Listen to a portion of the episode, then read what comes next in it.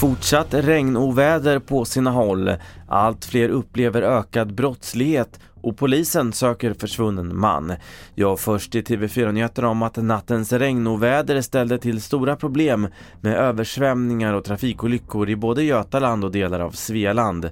Och regnet har fortsatt idag, vi hör vår meteorolog Linda Eriksson. Det här regnet är kopplat till ett lågtryck som bara väldigt långsamt rör sig österut nu och som kommer ge regn i södra Sverige under söndags och även vidare under måndagsdygnet. Och det kan komma ganska rikliga regnmängder även nu framöver då. Och du ser bilder på vädret på tv4.se. Fler inför det här valet upplever att brottsligheten i deras närområde har ökat jämfört med valet 2018.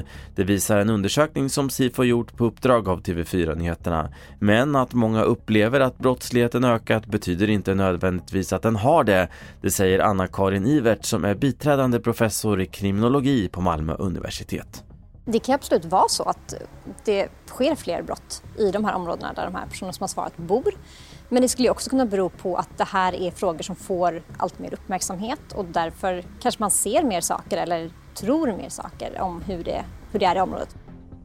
Polisen söker efter en försvunnen man i 30-årsåldern vid Hulu söder om Tväred som ligger i Ulricehamns kommun. Fredrik Svedemyr är presstalesperson på polisen.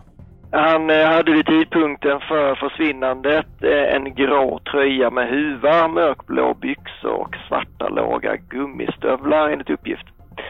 Eh, Cirka 1,66 lång med kortklippt hår och den här mannen har en funktionsvariation och han pratar inte svenska. Och till sist, att kombinera olika covidvaccin ger likartat skydd som när samma vaccin används för alla doser.